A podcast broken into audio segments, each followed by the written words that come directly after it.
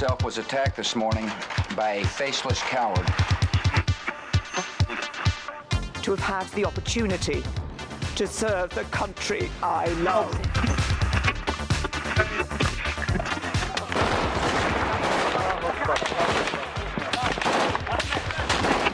Den Einsatz für Frieden und Freiheit in Deutschland, in Europa und in der Welt.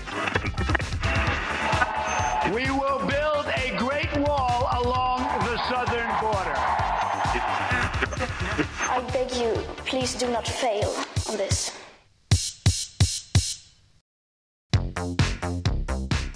Góðan dag, kæru hlustendur, þegar að hlusta á vikulega frettaskýringa þáttinn heimskviður á Rás 1. Ég heiti Guðmundur Björn Þorbjörnsson. Og ég heiti Birta Björnstóttir.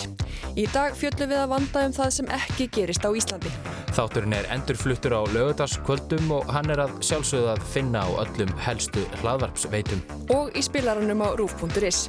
Heimskviður heilsa, förstu daginn 13. september 2019.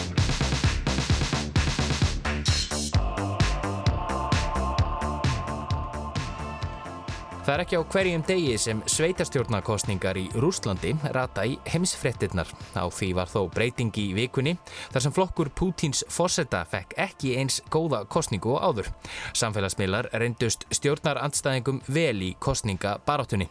Dagni Hulda Erlends dóttir fjallarum pólitíska landslæði í Rúslandi í aðdraranda og kjölfar kostningana og ræðir við Jón Ólafsson, profesor, sem eru búið í Rúslandi og fylgist vel með þróun mála þær í landi. Og svo ætlum við að segja ykkur frá þessum hér.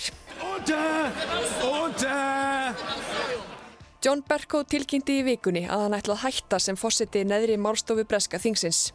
Hann hefur sett mark sitt á ennbættið, ekki bara með líflegri framkomu í þingsalnum, heldur einni með því að auka vægi þingsins, líkt og Bóji Ágússon segir okkur frá. Og nýtt stefnumótafórið leitt dagsins ljós í bandaríkunum í síðustu viku. Þetta er þó ekkert nýsköpunar föndur heldur kemur það frá samfélagsmiðla risanum Facebook. Uh, we are announcing a new set of features coming soon around dating. En spurt er, er hægt að treysta Facebook fyrir viðkvæmum upplýsingum um engalíf fólks? En byrta við byrjum í Rúslandi. Já, alveg rétt. Þar hefur græsrótarhefingu vaksið fiskur um hrygg. Þrátt fyrir að margir fulltrúar hafi ekki fengið að bjóða fram í borgastjórnarkostningunum í Moskvu um síðustu helgi, þá tókst stjórnaranstæðingum ætlunaverksitt að fækka fulltrúum flokksins Saminans Rúslands sem er flokkur Pútins fósetta. Dagni Hulda Erlendsdóttir tekur nú við.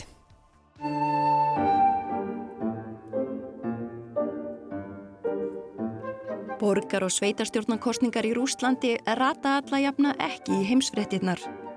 Öðru máli gengdu um kostningarnar um síðustu helgi og þá sérstaklega kostningar til borgarþings höfuborgarinnar Moskvu.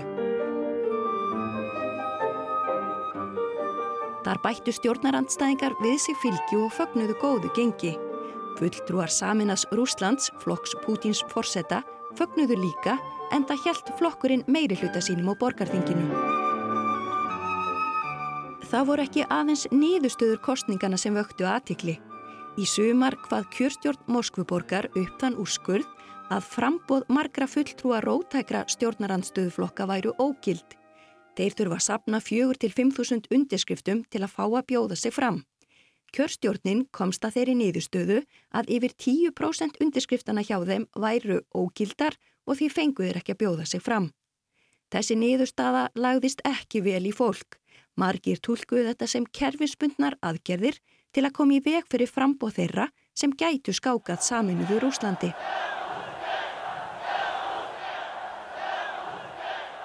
Fólk sapnaðist saman um helgar í miðborg Moskvu og mótmælti. Týjir þúsunda mættu og letu óanæju sína í ljós. Lögreglan brást við af mikill í hörku. Myndbönd hafa verið tekin af lögreglu, berja fólk með kilvum og annað þúsund manns voru handekinn.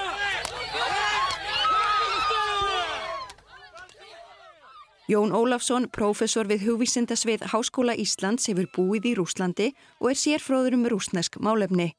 Hann segir að mótmælin í sumar hafi komið á óvart en ekki síst hörð viðbröð stjórnvalda.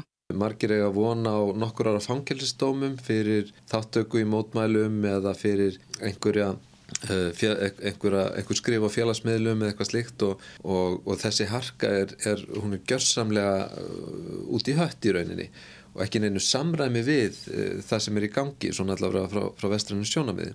Mótmælendurnir eru fólk á öllum aldri en meiru hlutin er ungt fólk, háskólanemar og fólk sem hefur nýlega lokið námi og er ekki sátt við þá framtíð sem við blasir í Rúslandi. Það er ekki þannig að þetta sé fólk sem er á einhvern nátt sko eh, stendur endilega höllum fæti í samfélaginu þörst á móti, þetta er einmitt fólk sem að í mörgum tilfellum er velmentað og og gæti komið sér ágætlega fyrir en, en það, það er þessi, þessi vaksandi andúð uh, held ég að maður geti séð meðal ungu kynnslóðurinnar á því hvað stjórnvöld eru stöðut að þrengja mikið að bara í sambandi við uh, frjálsa umræðu, frjálsa tjáningu og annars líf.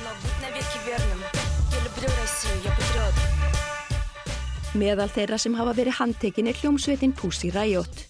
Þar voru handteknar dægin fyrir kostningarnar Þá voru þær á göngu í búningum sem voru eftirlíking af lauruglubúningum og heldu á regnbóafánum. Hljómsveitin hefur lengi gaggrind stjórnvöld.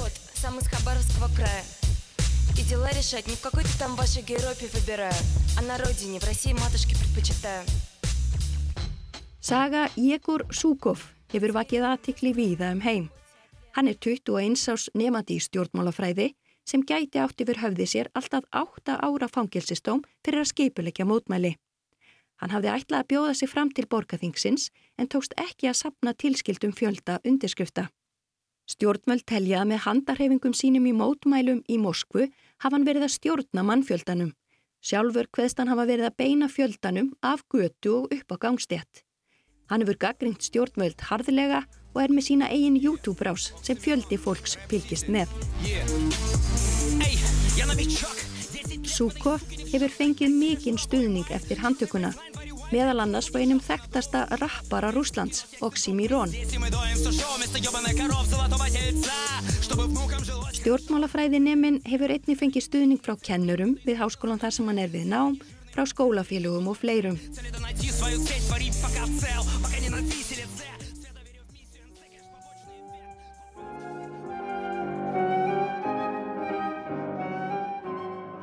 Í síðustu viku voru fimm manns dæmdir til fangilsisvistar vegna mótmæla, dómatnir eru tvö til fjögur ár. Samfélagsmiðlar hafa skipt sköpum fyrir mótmælendur til að koma á bóðskap sínum á framfæri og auglýsa mótmæli. Meiri hluti rúsneskra fjölmiðla fjallar ekki um græsrótarhefingar í stjórnmálum og þeirra baráttu nema mjög litlu leiti og því nýtir fólk aðrar leiðir til að vekja aðtikli. Þannig að uh, þessir hópar er að treysta voðalega mikið á félagsmiðla og YouTube til dæmis er gríðarlega mikilvægur miðið. Einn þekktasti andstæðingur Pútins fórseta er Alexei Navalny, rúmlega færtugur lögfræðingur sem margóft hefur verið handekinn fyrir mótmæli. Hann hugðist bjóða sig fram til fórsetalandsins í fyrra en var meinaða þar sem hann hafði hloti dóm fyrir fjársvik, brot sem hann segir vera uppspunað stjórnvalda. Navalni heldur daglega ræðu og YouTube-brásinni og fjallar um Ímis spillingarmál. Hann er með stóran hópa fólki í kringum sig sem að vinna með honum og, og, hérna, og, menna, og Facebook, Twitter og miðl sem að í Rúslandi er svona ígildi Facebook sem heitir Kontaktja sem að er mikið notaði líka. Og svo er reyndar hérna Uh, rúsneskur félagsmiðl sem hefur uh, orðið útbreytari sem heitir Telegram sem að stjórnvöld hafa látið mikið fyrir töðarnar á sér og reynda að loka sem að er, er alveg svona mjög lifandi rás fyrir, uh, fyrir aktivista. Þannig að við, við sjáum sko það sem er að gerast í dag græsótin í Rúslandi væri, væri alveg óhugsandi sko án, án félagsmiðla. Þrátt verir ymsar takmarkanir hefur Navalny tekist að koma sér upp neti um allt landið. Hann er í rauninni með, með reyfingu sem, a, sem að nær meir og minna um, um allt landið sko, sem, a, sem er ótrúlegt uh, afreg má segja með að við sko, þær takmarkanir sem að, að fólk býr við og, og það, það, þann takmarkaða aðgang að í rauninni svona hinnum opna umræðuvettvangi ef svo morðu komast. Flokkur Navalnís heiti Rasija Bútuseva eða Rúsland framtíðarinnar Flokkurinn átti ekki frambíðandur í borgastjórnarkostningunum en að valni hvatti fólk til að kjósa eftir ákveðinu kerfi. Það virka þannig að það kaus þann frambjóðanda sem líklegastur var til að skáka frambjóðanda saminas Rúslands. Allt kappar lagt á að fækka þeirra fulltrúum á borgarþinginu. Það tókst en saminað Rúsland heldur samt sem áður meiri hlutanum á þinginu. Og núna þegar að kostningarnir eru búnar að þá er, er sagt, kemur í ljós að, að hvort sem að það var vegna þessarar aðferðar eða, eða bara með einhverju öðru, við vitum það svo ekki nákvæmlega, að þá fær, fá frambjóðendur sem samin að Rúsland stiður miklu færri uh, sæti heldur en uh, var síðast. Það er að segja, síðast voru þetta minni með um 40 að 45, núna er þetta 20 að 45. Þannig að, þannig að þar er augljós breyting. Aftur á móti getum að segja spurt Uh, hverjir fengur svo þessi sæti það voru, það voru svo sem ekki neynir stórkostlega rótækir uh, hérna frambjöðandur því að, að, að það var nú búið að, svona loka dyrum á þá Nýðustöður kostningana voru þær að fulltrúar Saminas Rúslands fengu 25 fulltrúa kommunistaflokkurinn 13 Jablaka 4 og réttlátt Rúsland 3 Jón segir að fæstir fulltrúarnir geti þó verið flokkaðir sem umbóta sinnaðir til dæmis er réttlátt Rúsland í raun ekki stjórnarandstöðuflokkur Stjórnarandstæðingar lístu yfir sigri og rótækir fjölmiðlar töluðum um vatnaskill. Fjölmiðlar hliðhóllir fórsetanum myndust aftur á móti ekkert á óanægi með stjórnvöld. Heldur sögðu fréttir að því að samina Rúsland hafi enn einu sinni hlotið meiri hluta.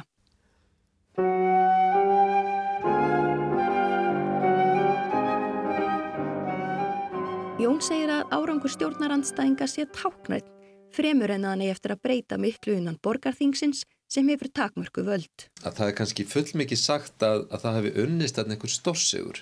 Uh, þarna hins vegar náðist árangur og, og þegar þetta tekið saman við þessi miklu mótmæli sem að voru í Moskvu í sumar að, að þá er uh, vissulega alveg hægt að segja sko að, að þessi grasrótar starfsemi sem hefur verið mjög veikburða síðustu ár, hún virðist vera að styrkjast alltaf mikið. Kommunistaflokkur Úslands bætti verulega við sig og fekk 13 sæti á borgarþingjun á sunnudag en var með 5 sæti áður. Flokkurinn þykir ekki að sterka tengingu við en gamla kommunistaflokk Sovjetríkjana sem var lagður niður við hrun þeirra.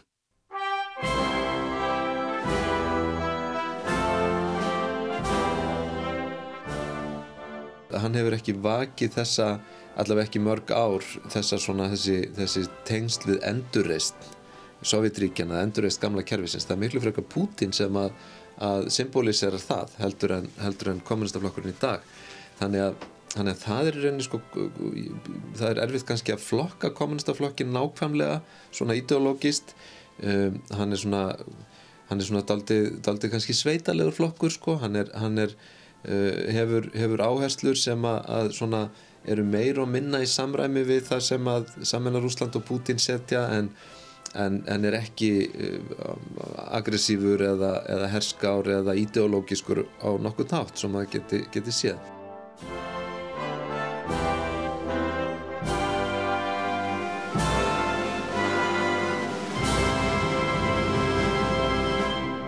Það má því segja að þessi stefna rúsnarska stjórnvalda síðan Sovjetríkin hrundu að vilja hafa það í hendi sér hver fara að bjóða sig fram sé ekki svo ólík því sem týðkaðist á þeim tíma er kommunistaflokkurinn var við völd í Sovjetríkunum frá 1922 til 1991. Það voru haldnar kostningar á tímum kommunistaflokk Sovjetríkjana en flokkurinn reði hverjir fengu að bjóða sig fram. Og þetta er aldrei stert í stjórnvöldum í dag og maður sér það mjög greinilega hjá Putin og hjá Rúslandi að, að vilja sko hafa fulla stjórn á Uh, á því hvernig frambjóðandur eru valdir geta stilt í hverju fá að fyrir frambúð. Kostningarnar sjálfar síðasta sunnudag virðast hafa gengið vel. Altjóðlegar eftirlitsnemdir gerðu ekki alvarlegar aðtjóðasendir við framkvæmdina og kjördag. Óréttlætið áttir sér stað í aðdraganda kostningana. Núverandi stjórnvöld virðast gerna vilja hafa þetta svona. Geta haldið kostningar sem eru svona tal til síning en það krefst þess þá að menn komið vekk fyrir að einhverju stjórnaranstæðingar séu að, að tróða sér inn í prósessin og það sem að tókst núna þó að hafi ekki tekist að, að koma frambjóðendum inn vegna þess að þeim er hendt út á einhverjum teknilegum fósendum yðurlega að þá hér, tókst að hafa áhrif í Moskvu að því að, að sagt, þessi, þessi aðferð uh, Navalnis að að benda fólki á frambjóðendur sem að væru ekki tengdir saminuður Úslandi og stöðla því að þeir eru kostnir frekar en þeir sem kemur frá saminuður Úslandi hún greinilega hafði einhver áhrif og menn eru alveg í skíón með því, heyrist mér.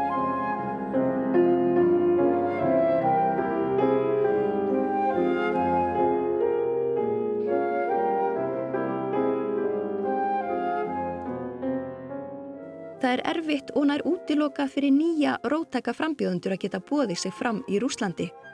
Möguleikarnir hafa þó verið taldir meiri í borgar- og sveitastjórnarkostningum en til dæmis í þingkostningum. Því hefur unga fólki lagt áherslu á að geta bóðið sig fram þar, líkt og í Moskvu nú um síðustu helgi. Og þess vegna þá eru mjög margir, e, margt ungt fólk sem að í staðin fyrir að, að vera að horfa á landspolitíkina, þá horfir það meira á borgarpolitík og jafnvel hverfapolítík og annað slíkt og þetta er nokkuð sem að svona hinga til hefur verið svið sem að stjórnvöld voru kannski ekkit að, að skipta sér ómikið af en, en eru nú kannski að sjá hættur þarna líka.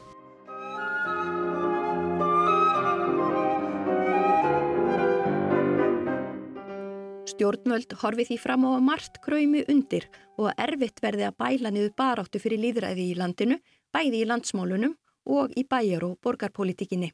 Og, og það er hansi hættu því að að svona enn frekari uh, frekari svona hvað maður segja harka í viðbröðum við mótmælum eigi eftir að, að, að valda bara ennþá meiri óróa í samfélaginu.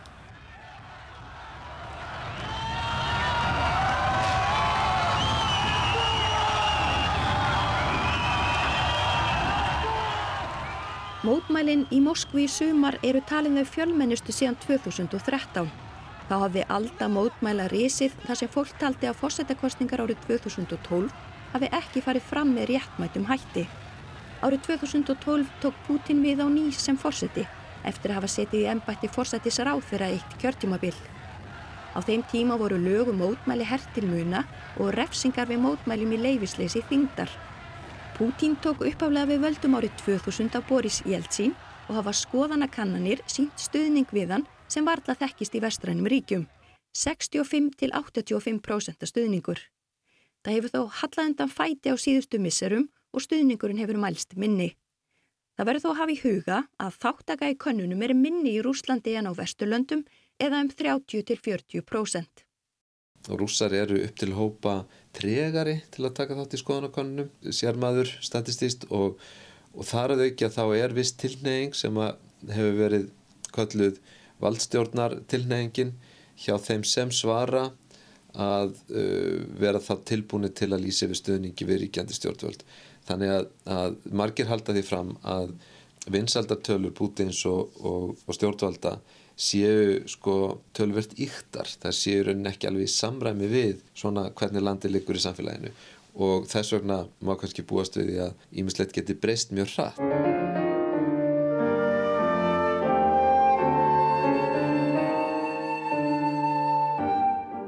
Er eitt og annað fyrir utan hæga líðræðistróun sem rússar eru óanaðir með. Vestnandi efnahagur eftir minkandi tengslu Vesturlönd hefur áhrif á lífins almenna rússa. Putin hefur viðurlega litið á þetta sem einhvers konar áskorun sko, þar sem að, að það er, er, er miklar hömlur á því að rúsneskur yðnaður og þekkingar yðnaður geti verið í þeim mikilvægu tengslum við uh, það sem er að gerast uh, í Evrópu og í Bandaríkjónum að, að þá munir menn bara standa sér betur sjálfur og Rúsland búið sér til sína eigin tækni og svo framvegs en þetta eru náttúrulega aldrei innandom lofvörð og það er kannski, er svona daldið að koma á daginn núna að áróður og, og svona lofvörð sem að virkuðu ekki síst í kringum innlimun Krímskaga í Rúsland fyrir fimm árum og, og hafa virkað vel, förðu vel, eh, eru kannski ekki að virka vel núna.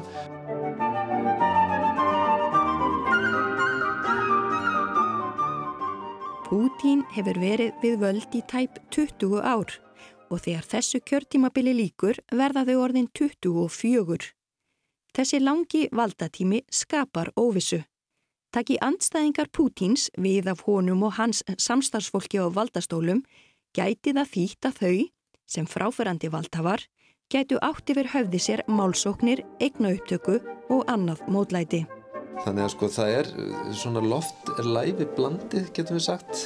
En, en það var alveg erfitt að, að átta sig á því hvert hlutinir er að stefna. En, en ég held að sé miklu meiri óvisa í rúsneskum stjórnmálum í dag heldur en hefur verið bara mjög lengi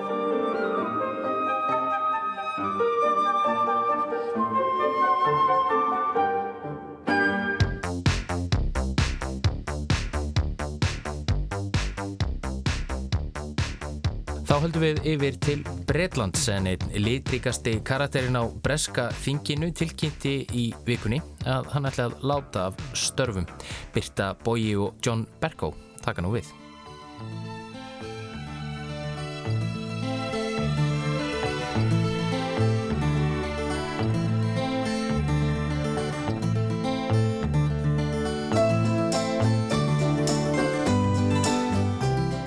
Bretar gengu til þjóðaratkvæðagreislu og ákvaði að binda enda á áratuga langa veru sína í Evrópusambandinu árið 2016 eins og fræktur orðið.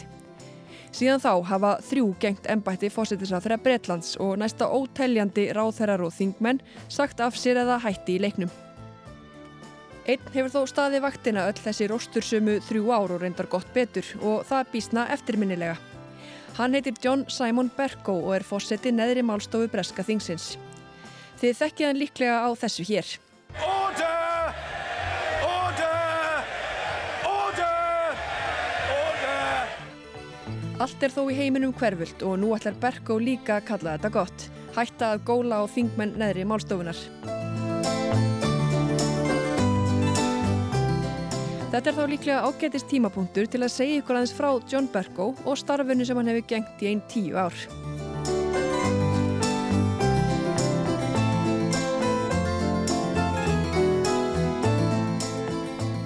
Berko er 56 ára, fættur árið 1963 í Edgeware.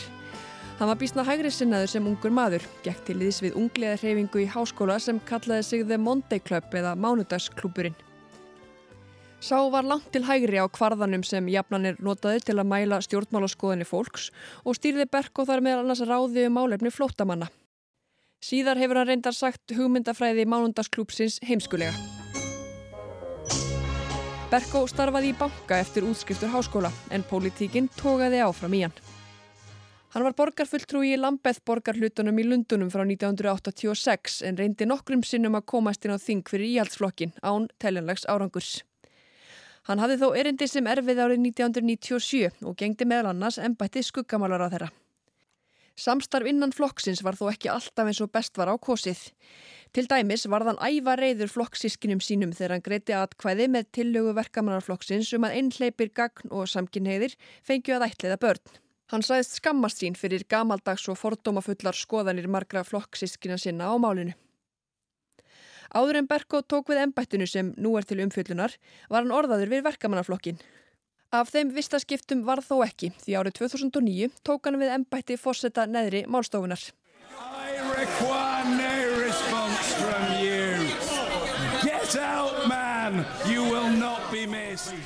Berko kuði hafa haft augastað á embættinu í nokkuð tíma. Forveri hans í starfi hétt Michael Martin. Sá er þess vafasama heiðus aðnjótandi að vera fyrsti fórseti neðri málstofu Breska þingsins til að þurfa að segja eftir embætti frá árinu 1695. Það gerði Martin árið 2009 á samt reyndar fleirum eftir að uppkomstum verulega óvarlega meðferð á ofinberu fjö meðal nokkura starfsmanna þingsins. Eftir það voru stóllinn og hempan í neðri málstofunni laus og okkar maður, John Berko, vildi láta á það reyna. En hvert er hlutverk og hver eru völd þingfósitans? Það er líklega vissar að spyrja mann sem veit eitt og annað og líklega aðeins rúmlega það um bresk stjórnmál. Bóji Ágússon. Hlutverk hans er uh, að sjálfsögða að vera þingforseti uh, og mörguleiti er þetta sambærilegt við uh, það sem að forseti alþingis hefur en þó ólíkt vegna þess að partur af því valdi sem að ríkistjórn á Íslandi hefur liggur hjá fórsetanum eða spíker í Englandi. Hann hefur til dæmis verulega mikil áhrif á það hvaða mál eru tekin á dagskrá og það er ekki bara ríkistjórnin. Hvernig kemst maður í þetta embætti? Hverjir geta búið sér fram og hverjir velja svo þann sem er valinn?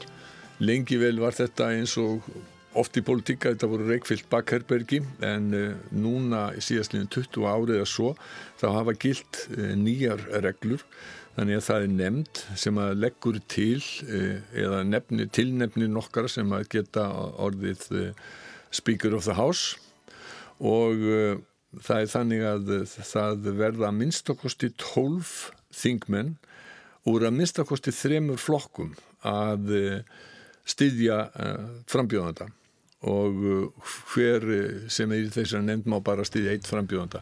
Það eru auðvitað miklar hefðir í kringum þetta eins og allt annað í breska þinginu og þannig er það til dæmis að þingfossiti þegar hann er valinn og, og endurkjörinn að þá þykist hann sko, já þá er hann dregin nauður viljúr að því að hann uh, lætur. Menn, menn draga hann bókstaflega uh, upp í, í þingfossitarsætið og það segja menna í rætur til, að rekja til þess að, að það kom fyrir svona fyrir á öldum að eh, konungar og þjóðhengja Breitlands letu einfallega hálsakva þá sem að voru þingfósittar og voru ekki alveg að skapi viðkomandi þjóðhengja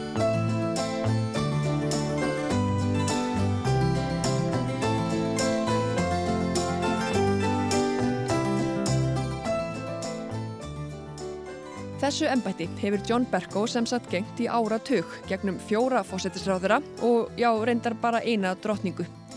Því Elisabeth hefur auðvitað gengt því ennbætti í 67 ár og engin af þeim sem nú situr á breska þinginu hefur starfað þar svo lengi. En nóg um það, eðli starfsins vegna er Berko ekki allra. Hann er auðvitað með sinn pólitíska feril innan íhaldsflokksins á ferilskráni en það er bísna áhugavert að það eru þingmenn þess flokks sem hafa verið hvað óanaðistir með störf Berkós og uh, þó að sé uppaflega sjálfur íhalsmaður að þá uh, er það ekki launungamála að mjög mörgum íhalsþingmunum var mjög í nöpuðan og sérstaklega Brexit sinnum íhalsþingmunum. Þannig kallaði Simon Burns þáverendi þingmaður íhalsflokksins Berko eitt sinn heimskan hræstnisfullan dverg. Berko er 170 cm á hæð. Tom Watson þingmaður verkamannaflokksins hefur hins vegar sagt Berko eitt besta þingforsetta sögunar. Hörðustu brexit sinnum úr röðum þingmana hefur þótt Berko reynað að grafa undan þeim með óbylgirni og öðru óriðtlætti í þingsal. Don't tell me, young man, from a sedentary position what I can and can't say. If you're not interested, leave the chamber. I'm not remotely interested in your petty-fogging objection chuntered inelegantly from a sedentary position. The position is as I've described it, and quite frankly, young man, you can like it or lump it. Ætli áhugaverðasta gaggrinnin í þeim efnum hafi ekki komið frá Adam Holloway, þingmann íhaldsflokksins fyrir á þessu ári.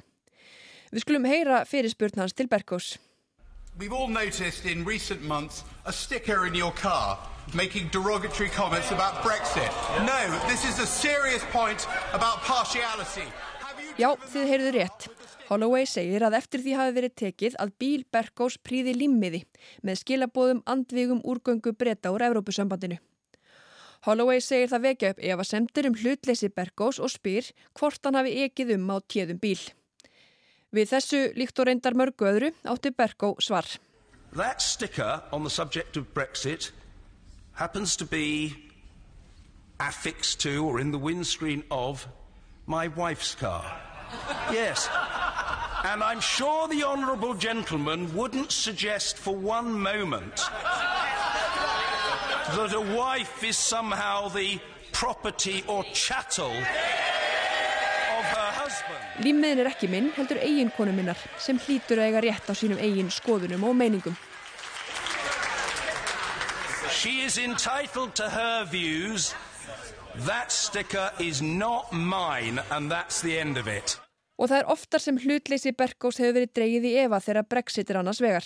Árið 2017 byrti Sunday Telegraph frétt þess efnis að Berkó hefði viðurkent það fyrir nefendum að hafa kosið gegn úrgöngu úr Evrópusambandinu árið 2016. Ákvarðanir Berkós hafa verið steitni götu íhaldsmanna við að reyna að koma Brexit í gegnum þingið. Hann meinaði Teresu May til dæmis að halda þriðju atkvæðagreislu í þinginu um það sem hann sagði að væri sami samningurinn og áður hefði verið feldur tvísvar. Þá var hann óspar á skoðinu sínar að ákverðin Boris Jónsson að gera hlýja á störfum þingsins nú í haust. En það er ekki það eina sem hann hefði verið gaggrindur fyrir í störfum sínum. Og hann hefur raunar sætt eh, ákúrum fyrir eh, það að eh, vinnu umhverfið í þinginu væri fjandsamlegt ungu fólki, konum og öðrum og hann hefur ekki, ekki tekið, já, til dæmis svona MeToo hluti nægilega alvarlega.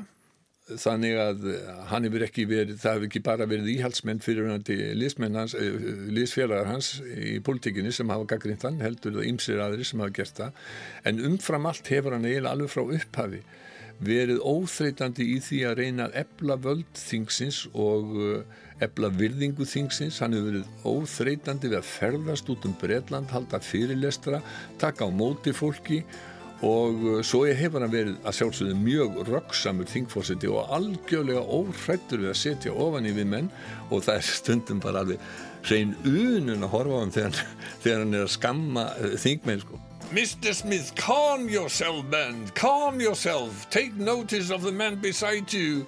Og svo síðan heldur hann áfram sko líkin mönnum saman og segir sko hérna, þarft að fara á eitthvað róandi og hann er mjög óhrættu við þetta þannig að þetta hefur best að vera eftirsjá að þessari skemmtun.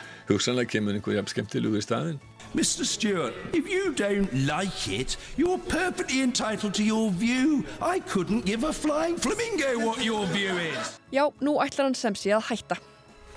I would like to make a personal statement to the House.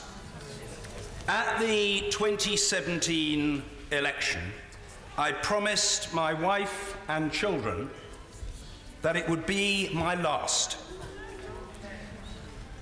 This is a pledge that I intend to keep.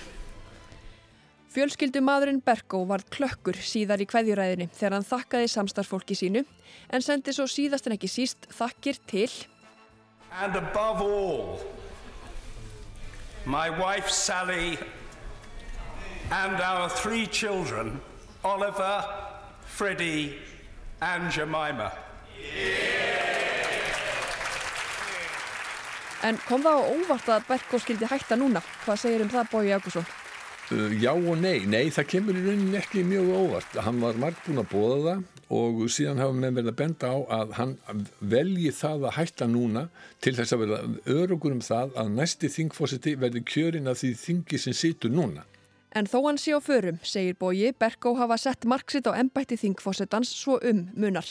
Já, John Berkó hefur breytt ennbættunni mjög. Uh, lengst af hafa þingfósettar verið svona frekar leiðitamir sittjandi ríkistjórn, oft úr uh, sama þingflokki, en svo regla gildir að þegar að uh, þingmaður er valin fósetti, að þá uh, er hann hætt, hættir hann að vera flokkspolitískur og hann á að vera hlutlaus og hann á að fyrst og fremst að vera þjóð þingsins uh, hann, John Berkov hefur verið það umfram aðra og hann hefur haldið mjög fram hlut þingsins uh, og alls ekki verið leiðitamur eins og ég sagði á þann og þetta hefur orðið til þess að, að þingið hefur öðlast raunar meiri völd uh, heldur en það hafði áður svona, getum við sagt þetta valda jafnvægi á milli þingsins og framkvæmdavalsins, það er ríkistjórnarinnar það hefur breyst þinginu í hag. Þó er það að sjálfsögðu ríkistjórnin sem að ræður langt mestu um gang þingmála ennþá, en þetta hefur breyst talsett mikið.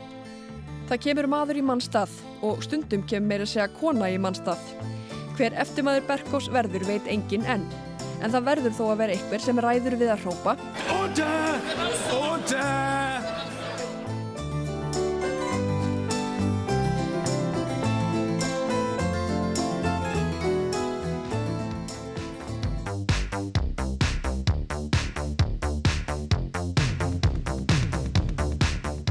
Við hvaðjum breska þingið í byli og hugðu nú að romantíkinni. Samfélagsmiðlaðri sinn Facebook hefur opnað stefnumóta þjónustu í bandaríkjunum. Facebook er ekki beint með gott orðspor þegar persónu vendir annars vegar. Svo er hægt að treysta fyrirtækinu fyrir jafn viðkvæmum hlut og tilhugalífi fólks. Guðmyndu Björn tekur nú við.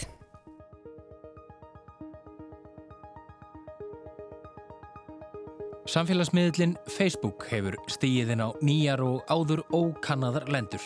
Í síðustu viku fór nefnilega stefnumóta síða Facebook í gagnið í bandaríkunum.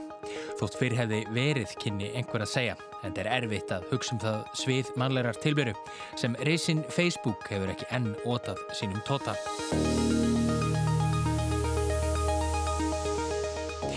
Gegnum þennan langstesta samfélagsmiðil heims sem er með rúmlega 2,3 miljardar nótendur eða rétt tæplega þriðjung alls mannkins en nefnileg ekki aðeins sagt að halda uppi samskiptum við vini og kunningja.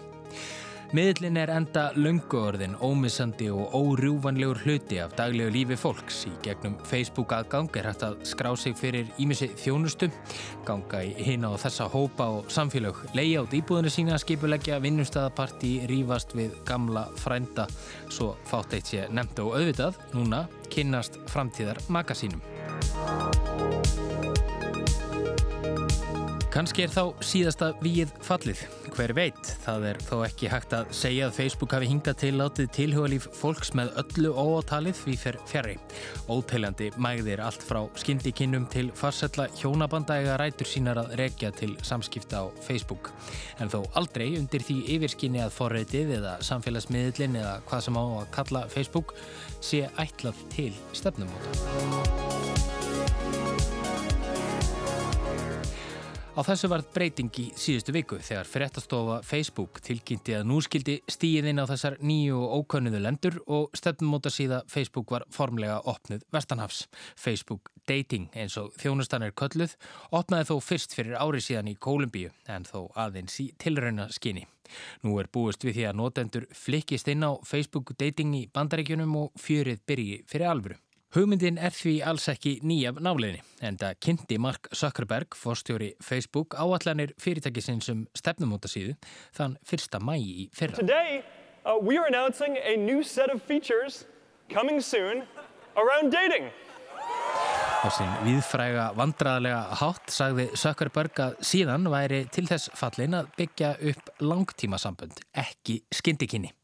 Það er ekki löstuð að honum þætti þetta nokkuð óþægilegt.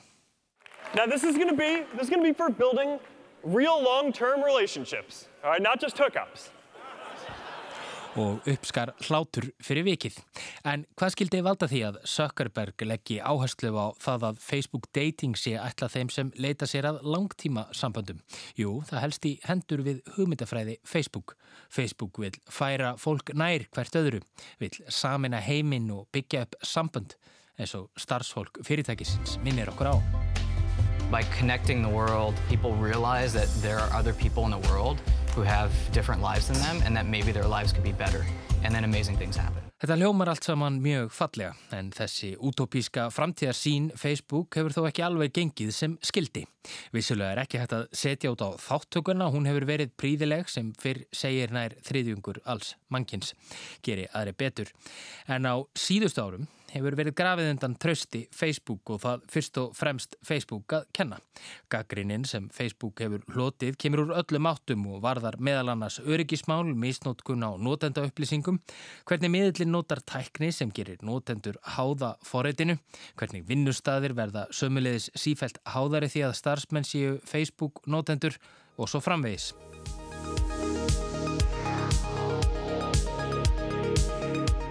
Þá hafa rannsóknir sínt fram á sálfræðilega kvilla tengda Facebook-nótkunn eins og afbreyðisemi, aukið stress, aðteglisbrest og samfélagsmiðla fíkn.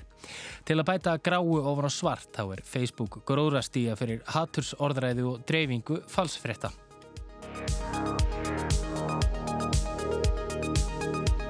Mýmörg dæmi er um að Facebook hafi misnotað þær upplýsingar sem fyrirtækið fær frá nótendum sínum degi áður en Facebook Dating var opnað í bandaríkunum í síðustu viku hafiði Facebook gengist við leka á persónuupplýsingum þar á meðal símanúmerum 420 miljón nótenda. Árið 2018 láku enga skilabóð 14 miljóna nótenda út. Svo mætti lengi telja.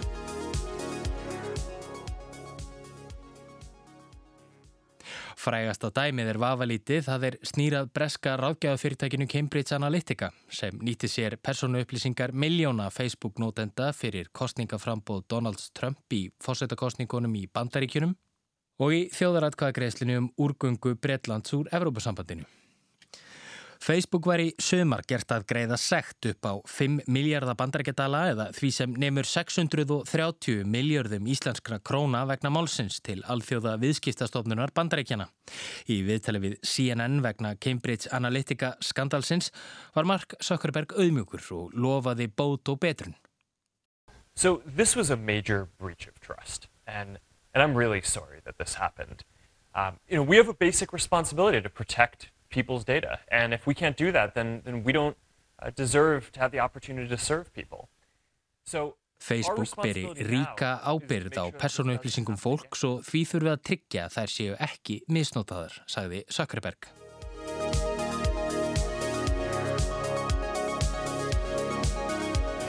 Í ljósi alls þessa þarf því lítið að koma á óvart að evasemdaradir heyrist þegar Facebook ákveður að stíga inn á ja personulegt svið og sjálft ástarlíf fólks er.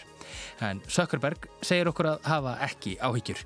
Þið, notendurnir, eruð við stjórnmöli. It's to be in the Facebook app, but it's totally optional. It's opt-in. En hvað með öryggismálinn? Þau hafa nú ekki beint verið sannfærandi hinga til. So this beginning. Your friends aren't going to see your profile. You're only going to be suggested people who are not your friends. Þá veitum við það. Zuckerberg tekur af allan vafa um mögulegt óöryggi Facebook dating. Öryggi notenda er haft að leiðarljósi, segir hann, og það sem meira er Facebook vinir þínir munu ekki sjá stefnumóta profílinn þinn.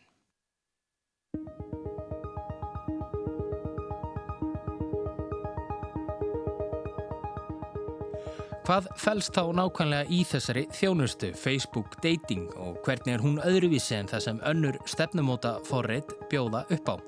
Í fyrsta lagi ber að nefna að Facebook dating er ekki eiginlegt forreit heldur eins konar viðbótar aðgangur við núverandi Facebook aðgang notenda. Kjósi hann að nýta sér þjónustuna. Ælimálsins samkvæmt verður því ekki hægt að lýsa yfir áhuga sínum á hverjum sem er heldur einungis þeim sem einnig eru með Facebook dating reikning. En takkið eftir því að Zuckerberg tekur skýrt fram að Facebook vinir þínir eiga ekki eftir að sjá þig á stefnumóta síðunni. Ekki einu sinni þeir sem eru líka skráðir þar inni. Að einhverju leiti hljómar þetta því eins og tónlist í eirum þeirra sem heikja á framhjáhald. Ekki þarf að óttast að maður rekist á náskildan ættingja eða vin maka inn á síðunni. En látum það liggja á milli hluta. Facebook Dating auðveldar ykkur að finna ástina í gegnum það sem ykkur líkar. Við hjálpum ykkur að hefja merkingarþrungin og álverugefin sambönd í gegnum það sem þið er sameinlegt. Áhuga mál, viðburði og hópa. Segir í tilkynningu fréttastofu Facebook um Facebook Dating. Fyrst Facebook-reikningarnir tveir verða aðskildir, annars vegar venjulegi aðgangurinn þinn og hins vegar stefnumóta aðgangurinn, má velta því fyrir sér hvernig Facebook raði upp og finni mögulega vonbyðla. Jú, auðvitað með því að steyðjast við þær persónu upplýsingar sem þú hefur þegar gefið fyrirtækinu, bæði meðvitað og óaf vitandi. Algórithmar síðunar sjá til þess að þú getur líst yfir áhuga þínum á fólki með áhuga á svipuðum málum og þú, en líklega einnig þeim sem hafa leitað að sömu hlutum, líkað við sömu myndir og svo framvegs. Að finna sér kærasta eða kærustu er mjög persónulegt ferli og það er þess vegna sem við hönnum Facebook Dating með öryggi þitt í huga. Þú ræður hvort þú tegur þáttið ekki. Öryggi og næði er í forgrunni. Og ef þetta er raunin er verðt að spyrja sig hvort Facebook sé treystandi fyrir því að er viðkvæmu persónu upplýsingar sem verða eðli málsins samkvæmt til á stefnumóta forriði fyrirtækisins legg ekki út. Sérfræðingar hafa dreyið það í Eva. Jason Kelly, sérfræðingur hjá Electronic Frontier Foundation, hefur sagt að erfitt sé að finna fyrirtæki sem eigi minna tröst inni hjá viðskiptavinnum sínum en Facebook og reynslan síni að Facebook eigi mjög erfitt með að halda persónu upplýsingum notenda fyrir sjálft sig. Þú þurfir því að vera ansi örvendingafullur ef þú vilt gefa Facebook enn frekari upplýsingar um persónahægi þína, segir Kelly. En það eru þó allar líkur á því að Facebook dating verði vinsælt og taki mögulega yfir þann annars blómlega markað sem stefnumóta fór reyta á borði Tinder, Grindr, Bumble og fleiri hafa nýtt sér síðustu ár. Ástæðan er einföld. Það eru 2,3 miljardar sem nota Facebook. Í samanbyrði er um 50 miljónir skráðir nótendur á Tinder, lang vinsælasta stefnumótafóriti heims. Og við sjáum hvað gerist hér á landi. Líklegt þykir að þjónustan verði komin til Íslands innan skams, lands sem þegar hefur gengið í hjónaband með þessum samfélagsmiðla risa, en 93% íslensku þjóðarinnar er á Facebook.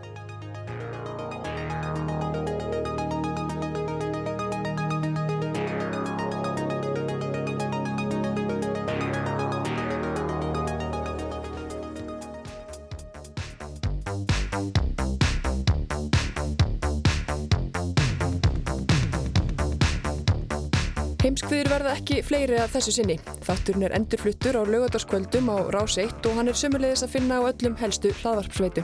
Þá er einnig hægt að hlusta á þáttin í spilaranum og á rúf.is en þar er einnig hægt að finna ítarlegar frettaskýringar um öll efni þáttarins. Svo minnum við líka á netfang þáttarins sem er heimskviður.rúf.is ef ykkur langar að hafa samband. Emitt, við þökkum þeim sem hlýtu og heyrumst í næstu viku.